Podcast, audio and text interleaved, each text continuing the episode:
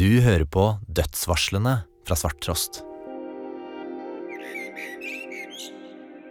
Dette er den tredje av fem episoder, og det er Ida Karine Gullvik som forteller historien.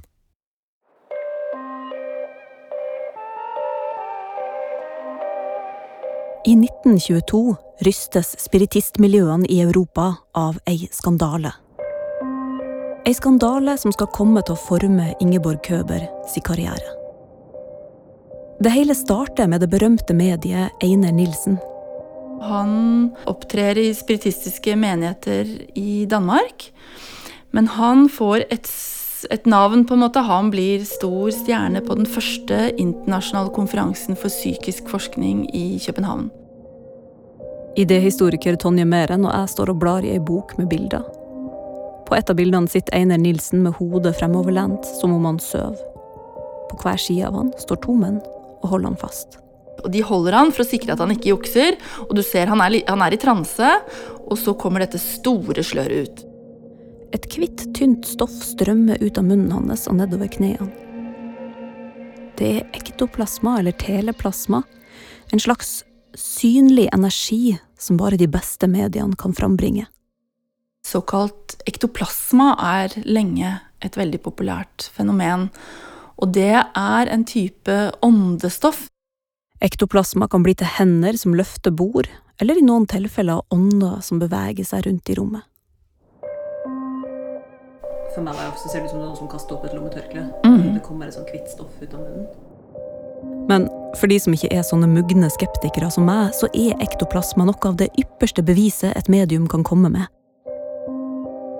Men det er få medium som får dette til.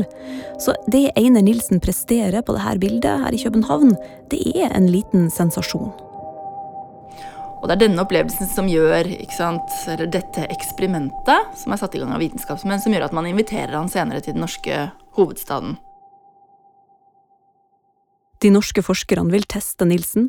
De vil forsøke å bevise, eller motbevise, at ektoplasmafenomenet er virkelig. Og for å unngå juks, så finner de ei spesiell løsning. Så ifører de han en drakt, og det er en drakt som en tysk forsker har iført sine medier, som er en sånn heldrakt som skal sikre at mediet ikke jukser. Drakta består av et par raggsokker som er sydd fast i et par bukser, som igjen er sydd fast i en genser, og i genseren så er det festa nettingposer som skal dekke hendene og hodet til Einar Nilsen. Og så starter de en seanse. Lyset slås av, og medlemmene i undersøkelseskommisjonen holder hender og synger for å få fram den riktige energien. Og jo, ektoplasmaet kommer flommende ut av munnen på Einar Nilsen. Men så, på slutten av seansen, så oppdager noen av medlemmene i kommisjonen at det er noen rare merker på drakten. Noe brunt. Og etter femte seanse så oppdager de at media har jo Han er sydd fast i denne drakten. At han har dratt armen ut og hentet dette teleplasma som han har gjemt eh, i rumpa, rett og slett.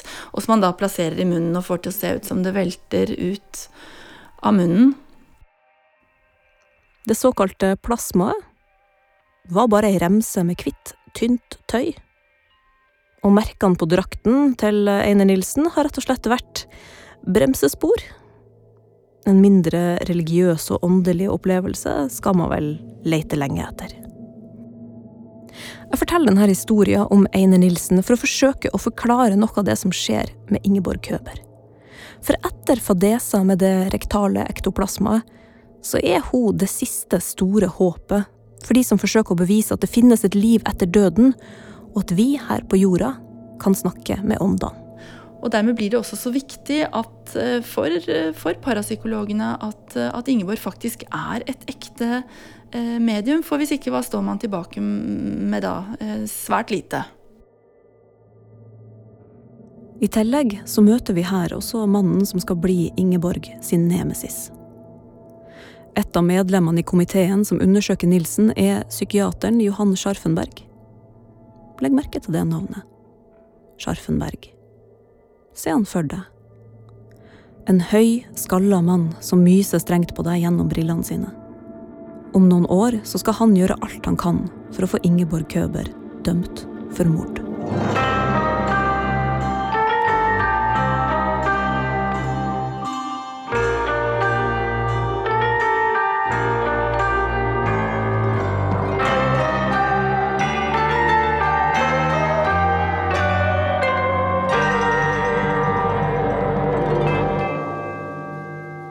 Starten av 30-tallet er Ingeborg på høyden av si karriere.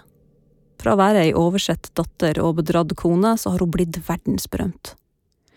I ei tid da kvinner gjerne ikke skulle ta plass, så har hun blitt veldig synlig. Men det har en pris. Ingeborg sitt liv styres av faren sine ambisjoner. Dagene består stort sett av seanser. I et brev skriver hun I dag har jeg vært sammenlagt fire og en halv time i transe, hvorav to og et halvt i ett kjør. Jeg var så trett. det strømmer på med gjester både til Fredrikstad og til sommerhuset på Hankø. Søndag, i går, hadde vi to tyske damer til stede ved seansen, og i aften to svenske damer. Hun ene er psykisk forsker. Den andre av de svenske damer skal være her i tre uker for å overvære flest mulig seanser, betrodde hun meg. Ja, det kan være vel og bra, men det ender vel med at jeg blir skrullete. Familien får bunkevis med brev fra mennesker som vil ha hjelp eller beviser på at det finnes et liv etter døden. Faren til Ingeborg er i fyr og flamme, han gir ut bøker og reiser på foredragsturneer, skriver artikler i tidsskriftet for psykisk forskning. På et besøk i København holder Ingeborg 27 seanser på ti dager. Ikke engang om natta får Ingeborg være i fred. Ei av tantene hennes, som deler rom med henne når hun er på besøk i jula, ligger våken om kveldene og venter på litt åndekontakt. Når vi hadde lagt oss, ventet hun på at jeg skulle falle i transe. Det hender nemlig innimellom når jeg er i Oslo. Det hendte også et par ganger her ute i julen. Men det er så plagsomt å føle at hun ligger og venter. Nå har jeg sagt til mamma at jeg ikke oftere vil dele værelse med henne, og hun har lovet at jeg skal slippe. Hun driver jo med daglige seanser. Til slutt så oppgir hun jo sitt, eh, sitt vanlige liv. Tonje Meren. Og det blir mye oppmerksomhet og, og disse, alle disse testene som hele tiden skal vise er hun et ekte medium. Er hun på en måte verdt eh, Er hun den hun gir seg ut for? Det er jo et kjempepress. På samme måte som Einar Nilsen skal Ingeborg gjennom flere vitenskapelige undersøkelser. Det er særlig Det norske selskapet for psykisk forskning som vil bruke Ingeborg til å bevise at teoriene deres stemmer. Men hvorfor er disse eksperimentene så viktige? For oss i dag så virker jo hele det her opplegget med spiritisme og ånder og Ouija-brett og seanser ganske kuriøst. Jeg føler at forfatter Tor Edvin Dahl kanskje setter ord på det som mange sikkert føler. Jeg undret meg over, og gjør det fortsatt, og hvordan i all verden de kunne godta så mye tøv. Men vi glemmer at 1930-tallet er ei helt annen tid. Hele den moderne vitenskapen var på en måte i støpeskjea. Lenge så hadde det ene århundret vært omtrent som det forrige. Men så plutselig så skjer det masse på veldig kort tid. Det kommer fly, radio, biler, samlebånd, telefoner, røntgenapparater, radioaktivitet. Verden endrer seg radikalt. Det man før trodde var fast materie, viser seg å være atomer og energi, ting man aldri hadde tenkt på før og kanskje ikke helt forsto. Det var som om alt det man trodde var sant, slo sprekker. Alt var plutselig mulig. Men det skapte også konflikter. Den nye naturvitenskapen slår igjennom, og det blir en konflikt mellom en religiøs livsanskuelse og en mer materialistisk, eh, naturvitenskapelig måte å, å betrakte verden på. På den ene sida så hadde du de som trodde på England. På den andre de som trodde på atomene. Og det er her spiritismen kommer inn. For den gjør det mulig å tro på både religion og vitenskap. I Byfogd Dahl sine bøker så er det en slags andpusten, ekstatisk stemning, der han beskriver hva mennesker ved vitenskapens hjelp skal kunne bevise. Menneskehetens løsen er revolusjon. Dens natur erobrerens. Har den ikke skritt for skritt vunnet nytt land? Fravristet jorden, havet, bergene, luften, deres skjulte rikdommer, og naturen dens mange dulte lover og kraftkilder. Menneskene har lagt naturen under seg. Nå er det altså åndeverden som står for tur. For byfogden og de andre spiritistene så var det ikke noe skille mellom åndeverden og vitenskapen. Tvert imot. De mente at vitenskapen kunne være med på å bevise at det fantes et liv etter døden. De er opptatt av de spiritistiske fenomenene og forklare dem gjennom vitenskapelige modeller. Idéhistoriker Tonje Meren. Ofte veldig på veldig enkelt vis, men de benytter seg av energi, magnetisme, de snakker om eter, radioaktivitet, altså størrelser som er gangbare innenfor en vitenskapelig verden. Og så omtaler de seansene som eksperimenter, som empiriske eksperimenter, og mener at de er med på eksperimentelle undersøkelser av um, av å påvise en verden utover den materielle, da. En åndelig verden. Men hvis spiritisme skal være vitenskap, så må også mediene kunne komme med beviser på at de står i kontakt med åndeverden. Og Einer Nilsen og ektoplasma fadesa spenner bein for spiritistene sin jakt på håndfaste bevis. Men så idet på en måte Ingeborg Køper da seiler opp da, som et medium, så aner selskapet nye krefter på en måte her. fordi i denne perioden så er de jo helt avhengig av, av disse mediene for å kunne bevise sitt eget forskningsfelt. Og de kretser mye av sin virksomhet rundt eh, Dahl-familien og Ingeborg. Jeg lurer på om Ingeborg husker episoden med Nilsen og hans ikke fullt så magiske ektoplasma. Tenker hun på latterliggjøringa og ydmykelsen som han blir utsatt for, når hun sitter på Hankø sommeren 1932 og gruer seg for at den engelske forskeren Theodor Bestermann skal komme på besøk. Det var jo også en undersøkelsesoffiser fra det britiske selskapet, Theodor Bestermann, som besøkte Dahl-familien eh, på Hankø i 1932 og foretok noen eh, seanser med Ingeborg. Se for deg peisestua i villaen på Hankø. Seansene ble vanligvis holdt på kvelden. Kanskje sto sola lavt og skinte gjennom vinduene. Kanskje kom det musikk fra badehotellet. Ved bordet satt Ingeborg som vanlig, med ei hand på plansjetten. Og gjennom henne snakka Ludvig og Ragnar. Framfor henne sitt bestemann, som er på jakt etter tegn på at Ingeborg jukser. Det å være undersøkelsesoffiser, med det så fulgte det med en viss porsjon skepsis. De satte seg jo fore å undersøke fenomener vitenskapelig, og det innebar også at de ville luke ut bedrag. Ingeborg har imponert publikummet sitt med å snakke med ånder, se ånder. Hun har fått duker og blomster til å sveve. Hun kan lese forsegla brev ved hjelp av sine avdøde brødre. Men vil Bestermann bli like overbevist som de rundt henne? Han prøvde seg med et forsøk med forseglede brev, eh, men, men det viste seg ikke så vellykket, for åndene ville ikke svare på disse brevene mens han var der. De lovet å svare på brevene når han var reist. I stedet prøver bestemann en såkalt boktest. Ingeborg skal ved hjelp av åndebrødrene sine, Ludvig og Ragnar, klare å lese innholdet i ei bok han har i lomma. Ei bok Ingeborg aldri har sett før. Han hadde tatt med seg ni nyinnkjøpte pocketbøker som han hadde plassert på et bord på hotellrommet sitt, og så brakte han med seg en og en bok til seansene i, i lomma. Det tar litt tid. Åndene vil helst ikke lese boka sånn med en gang. Men så, på den åttende seansen, så skjer det. Ludvig, gjennom Ingeborg, tar for seg side 49 av denne romanen som på dette tidspunktet ligger i lomma til bestemann. Jeg tar det første avsnitt, øverst side 49. Jos... Josef. Having put something about his coat. Something about a man, Jos... Joseph. There was 49 Det er bare disse fragmentene som kommer, men hovedpersonen i den boka som Bestermann har med seg, heter Joseph. Joseph Andrews. Og på side 49 så står det at noen tar av seg his great coat, altså sin store frakk. Dette er jo kanskje ikke veldig detaljert, men hvis du aldri har sett denne boka før, ikke engang vet hva slags bok det er, så er det jo litt imponerende. Ja. Og hun er nok imponerende, hun Ingeborg Køper.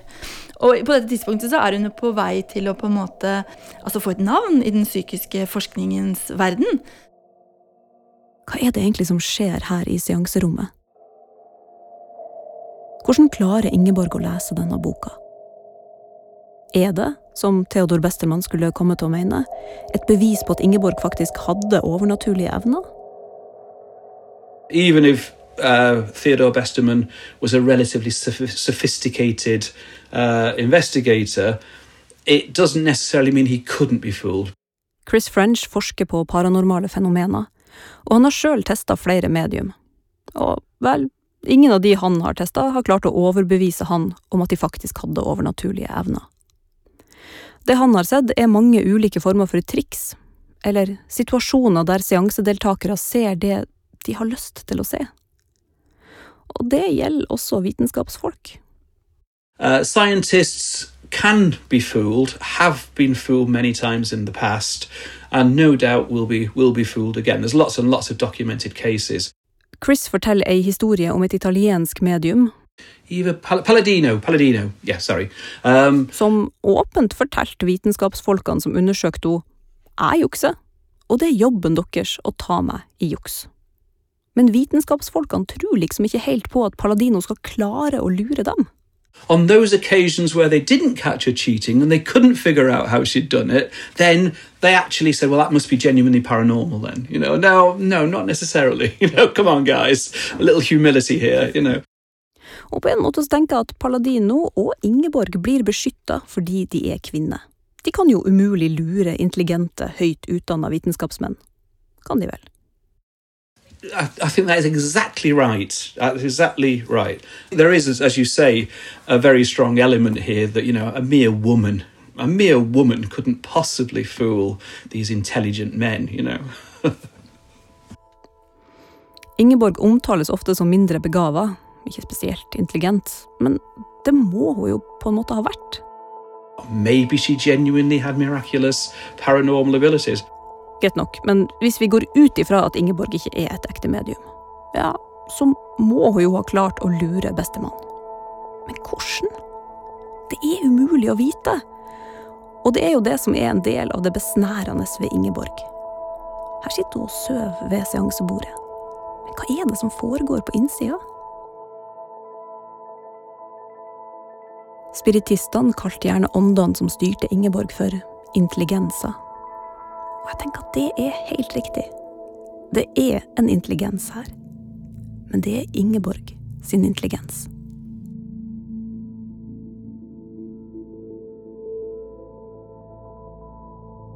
Men undersøkelsesoffiseren Bestermann han mente det måtte være ei overnaturlig forklaring på det Ingeborg fikk til i seansene. Her måtte det mer forskning til. Ingeborg kunne være det faktiske, bevisbare mediet som de psykiske forskerne hadde vært på jakt etter. Og han har lyst til å fortsette med undersøkelser, eller eventuelt at andre skal fortsette med undersøkelser. Og også det norske selskapet setter jo ned en vitenskapelig kommisjon som skal drive undersøkelse med henne. Vi vet ikke hva Ingeborg kan ha tenkt om dette. Enda flere tester. Enda flere forskere. Enda flere muligheter for at noe skal gå galt. For hun så starta jo dette som en måte å finne trøst etter brødrene sin død. Men nå, nå dreier hele familien sitt liv seg om seansene. Dette er faren sitt store prosjekt. Det som i begynnelsen var en måte å holde familien samla på, har vokst til noe stort og uhåndterlig.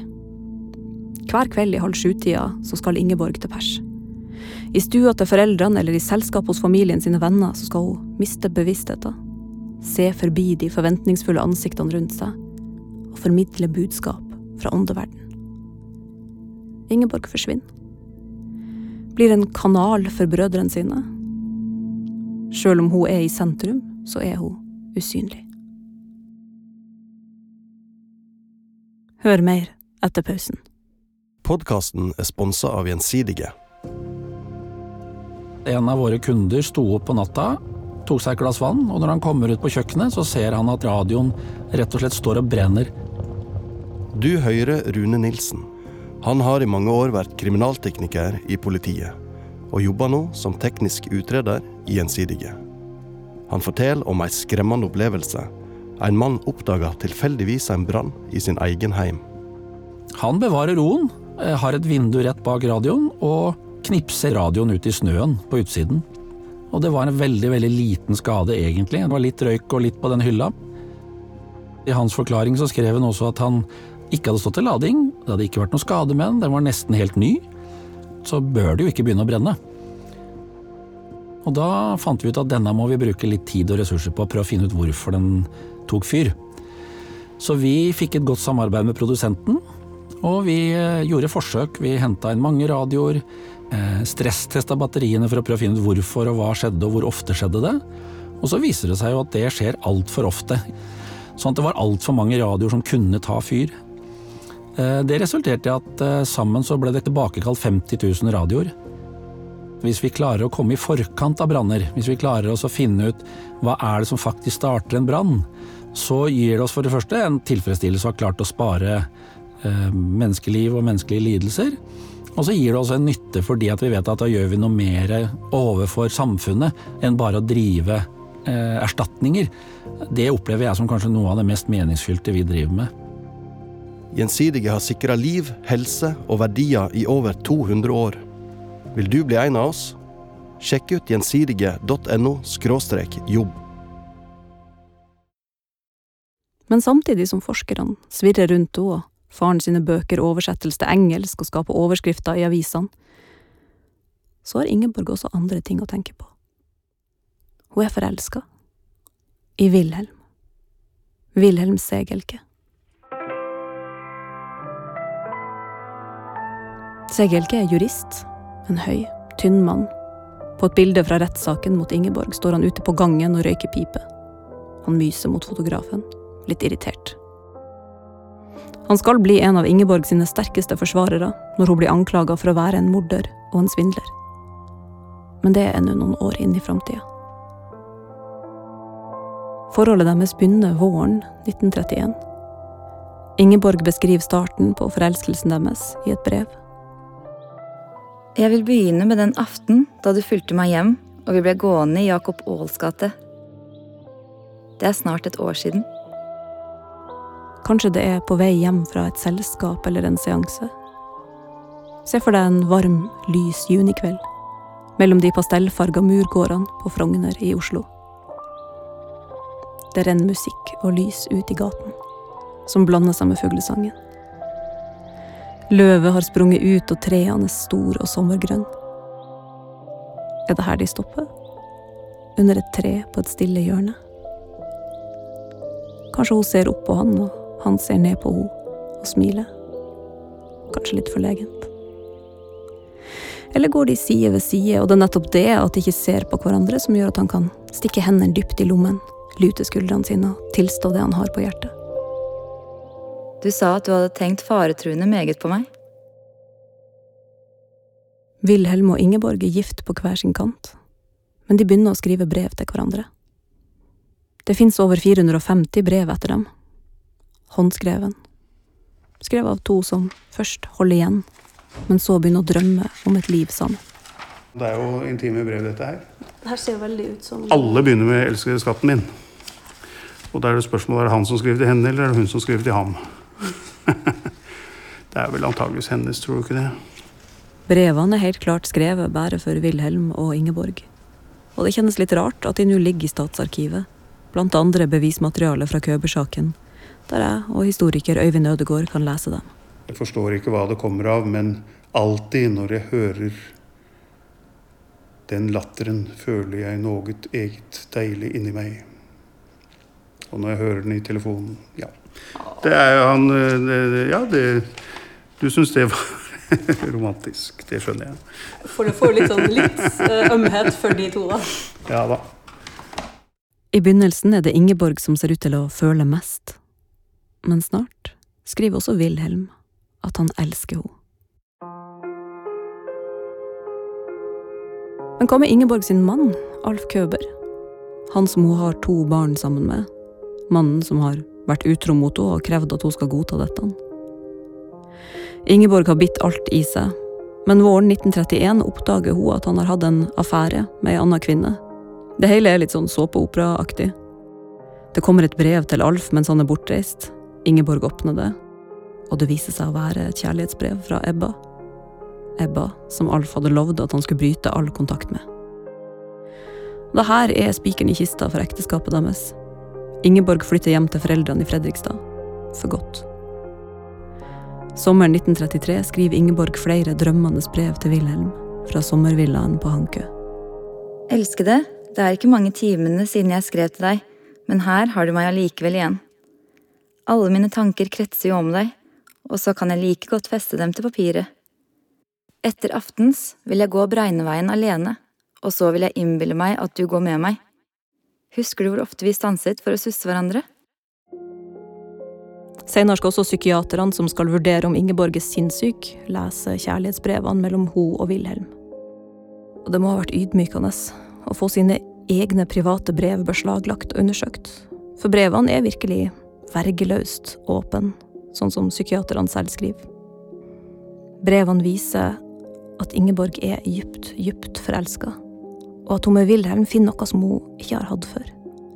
Du lærte meg at jeg kunne føle som andre kvinner, og at hvis forholdene var annerledes, kunne det som har vært helvete for meg, blitt himmel.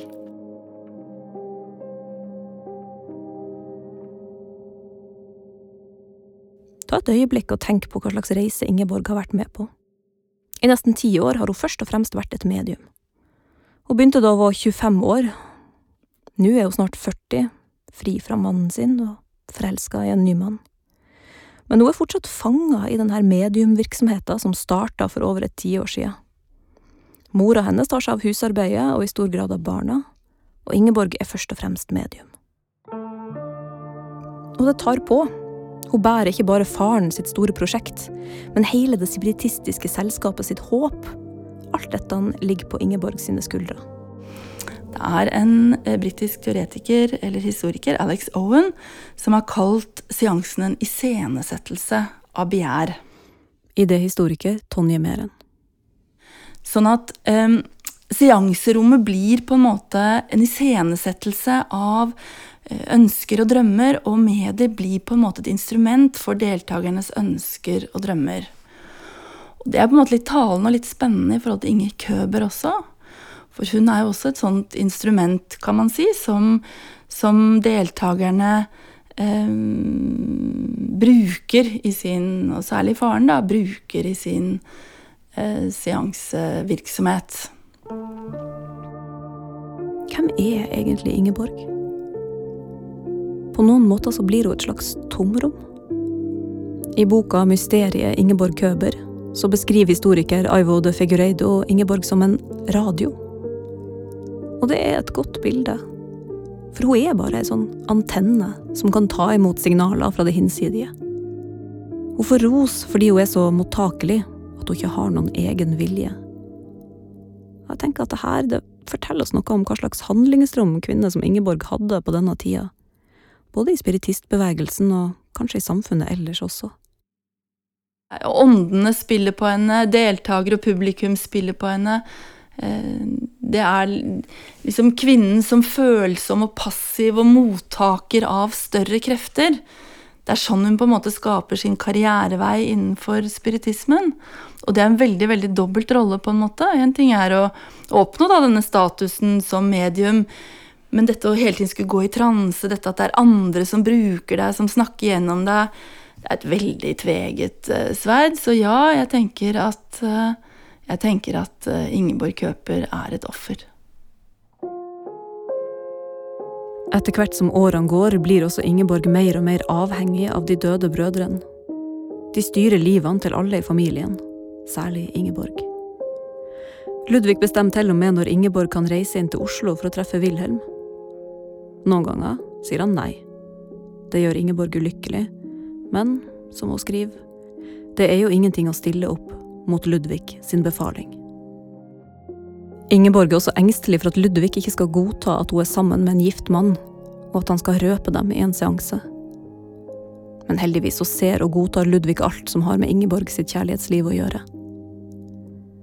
Men er det Ludvig? Eller er det Ingeborg sin dårlige samvittighet, som hun døyver ved å si at Ludvig syns at dette er greit? gir hun seg sjøl lov til å elske Wilhelm, gjennom broren sin. Andre kunne kanskje ha brukt roller som berømt medium til å si sin mening, til å få sin vilje gjennom, til å bli hovedpersonen i sitt eget liv. Men Ingeborg bruker den til å forsiktig, forsiktig gi seg sjøl lov til det hun ønsker seg. Men fra høsten 1932 så begynner Ingeborg sine evner å ta en mørkere, mer foruroligende retning. I november 1932 skjer det noe som går sterkt inn på Ingeborg. En bekjent av familien, Susanna Kjøsterud, dør. Susanna sin død blir også tema i en seanse samme kveld. Og det er da Ludvig kommer med en avsløring. Han forteller at han og Ragnar faktisk har forsøkt å varsle familien om at Susanna skulle dø. Budskapet er skjult i en komplisert og ikke helt overbevisende kode. Men de viser til en setning fra en tidligere seanse og sier at hvis man tar hver andre bokstav i hvert av ordene i denne setninga, så står det S går over til oss mams om ikke lenge.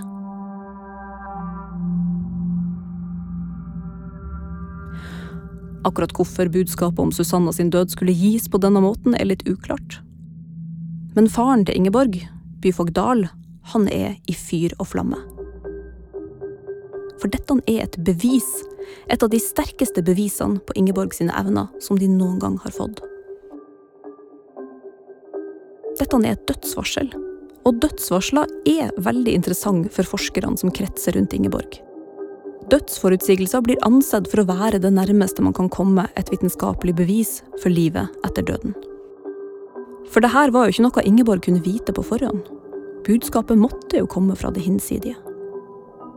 Eller Eller kan Ingeborg ha gått tilbake i seanseprotokollene, funnet ei passende setning, og så avslørt Susanna sitt dødsvarsel i seansen etter at hun døde? Vel, vi vet ikke. Men i tida framover så kommer det også flere dødsvarsel. Det vil si, ikke alle er like vellykka. Et av dem skaper rett og slett så mye rabalder at dødsfallet må avlyses. I september 1933 er Ingeborg og mora hennes på vei til Oslo med toget. De skal på besøk til noen slektninger og feire 91-årsdagen til Ingeborg sin tante Katinka. Mens de sitter der på toget, så diskuterer de kanskje at det egentlig er litt overraskende at denne dagen har kommet. For Ingeborg har forutsagt at tante Katinka snart skal dø, og at hun ikke vil oppleve sin egen 91-årsdag. På den andre sida, dagen er jo ennå ung, det er mye som ennå kan skje. Men dette dødsvarselet har også kommet Katinka sine andre slektninger og venner for øre. Helene, en venn av familien, møter Ingeborg og mora på stasjonen, og hun forteller at tante Katinka sine venner ikke vil at de skal komme i selskapet. Fordi de tror at Ingeborg skal kunne påvirke tanta til å dø. Ingeborg skriver et oppgitt brev til Wilhelm senere den dagen. Kan du forstå hvordan menneskene kan være? Skulle ikke bare være glade over at det gamle, trette mennesket kunne få dø nå? En av hennes nieser var redd for at hun skulle hypnotiseres til å dø. Ingeborg og mora hennes går inn på jernbanestasjonen, setter seg ned i restauranten. Og der, mellom kafébordene og de høye bua vinduene i Østbanehallen, så faller Ingeborg i transe igjen. Og så er Ludvig der. Gjennom Ingeborg forteller han at hun og mora må reise hjem igjen. Tante Katinka skal ikke dø allikevel. Ingeborg skriver. Han sa at jeg skulle reise hjem omgående, og under disse omstendigheter måtte det ikke skje noe med tante. Det ville i så fall gå utover meg. Er det Ludvig som redder Ingeborg her? Eller er det Ingeborg som redder seg sjøl? I seansen med tante Katinka så fortalte Katinka sjøl at hun ønska å dø. Hun spør om det skal skje snart. Og Ingeborg forteller at jo, det er ikke så lenge til nå. Jeg tenker at Her har Ingeborg forsøkt å trøste, sånn som hun pleier i seansene, og så slår det hele feil ut. Til Wilhelm skriver hun Skjønner du nå at jeg snart synes jeg må få nok av å være medium? Jeg forstår ikke hvordan jeg skal holde ut og eksistere i tiden fremover. I seansene som blir helt i uken etterpå, så er det en del misnøye fra åndeverden over behandlinga som Ingeborg og Katinka har fått. Men, sier åndene, dette blir bare en kort utsettelse. Og så kommer Katinka til å krysse over, som det heter, til den andre sida. Men tante Katinka er fortsatt i live fire år seinere, når Ingeborg blir stilt for retten. Kanskje er det av alt oppstyret rundt tante Katinka at det neste dødsvarselet blir gitt i hemmelighet. Natta mellom 3. og 4. desember 1933 kommer Christian Apenes oppskaka hjem. Han er ansatt på byfogdkontoret og en gammel venn av Ragnar, Ingeborg sin lillebror. Han vekker mora si og sier jeg har opplevd noe merkelig, noe som sikkert aldri tidligere har hendt i verden. Han vil ikke si hva det er, men han setter seg ved skrivebordet og skriver det ned for seg sjøl, for å huske. Denne kvelden så har han hatt en eneseanse med Ingeborg. Bare han og hun, mens resten av familien sitter i stua. Ingeborg er bevisstløs, men bak henne, der står Ludvig. Han sier ikke noe, bare står stille bak stolen til søstera. Er den andre broren, Ragnar, som snakker til Apenes. Han forteller at det er noe brødrene vil forutsi, som de ikke kan fortelle til noen andre i familien. Han sier I løpet av dette år vil noe hende som vil ta pappa over her, men som ingen skal hindre. Dette, forteller Ragnar, vil skje i løpet av det neste året. Men ikke før juni 1934. Og når det skjer, da skal Apenes avsløre det han har blitt fortalt i denne seansen. Og dette, sier Ragnar, er egentlig en god ting for byfogden. Ingen skal hindre det. For ham er det særligbot, vidunderlig. Pappa har alltid sagt man må slutte mens leken er god. Slutte mens man er på høyden, og det skal han også få lov til. Hva er det som skjer i denne seansen? Hvorfor spår Ingeborg faren sin død? Byfogden er gammel, men det er ikke sånn som med tante Katinka at han lengter etter å dø. Han er lykkelig. Så lykkelig at det kribler helt ut i fingrene, som han sier til sin venn doktor Vogt. Høsten 1934 så skal han fylle 70 år. Han skal pensjonere seg, familien skal flytte inn til Oslo, og han skal få mer tid til seanser og foredrag, mer tid til sitt store kall.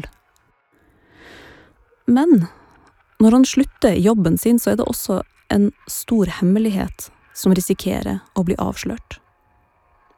Spørsmålet er om byfogden sjøl er klar over dette. Og veit Ingeborg? Veit hun at når byfogden slutter i jobben sin, så risikerer familien ei enorm skandale?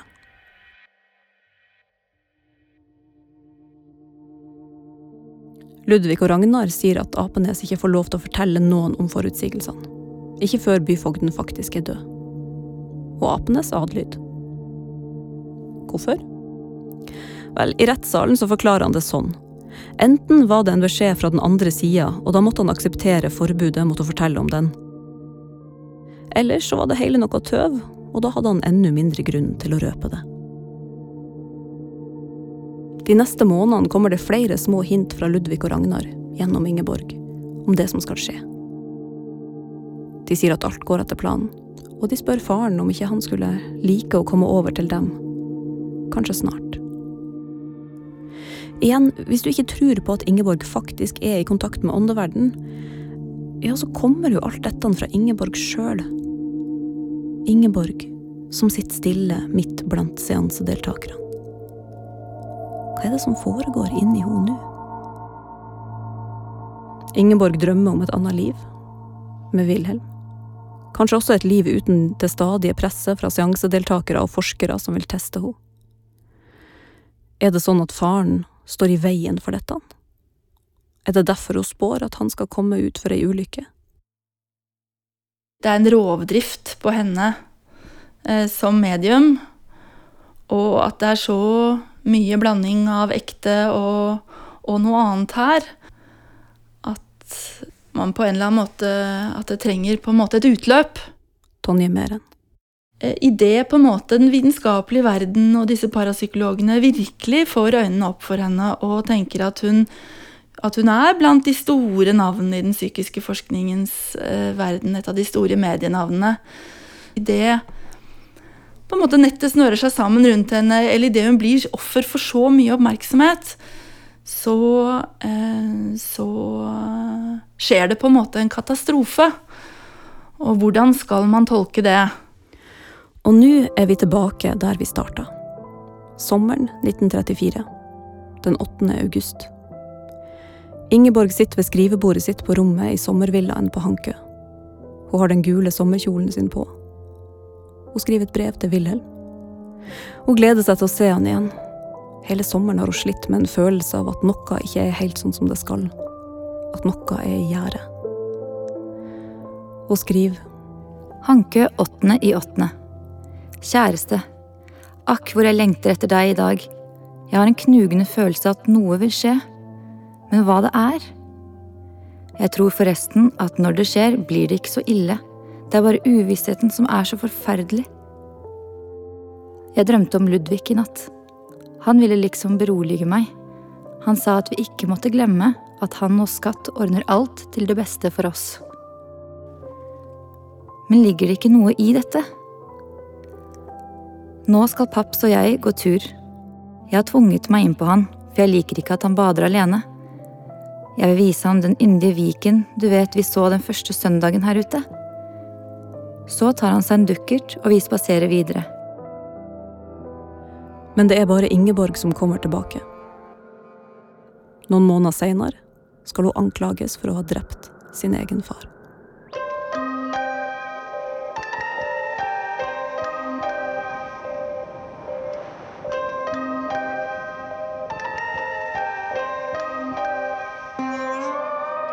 Dette var den tredje delen av Dødsvarslene, laga av Ida Karine Gullvik for Svarttrost. Neste episode kommer neste uke. Men hvis du vil høre hele serien med en gang, så kan du trykke på abonner-knappen i Spotify eller der du hører podkast. Da er du samtidig med å støtte alle oss her på Svarttrost, sånn at vi kan lage flere poddokumentarserier. Lyddesign og sluttmiks av Hans Kristen Hyrve. Malin Schumacher leste sitatene fra Ingeborg Køber. Edvard Hambro leste Byfogdal.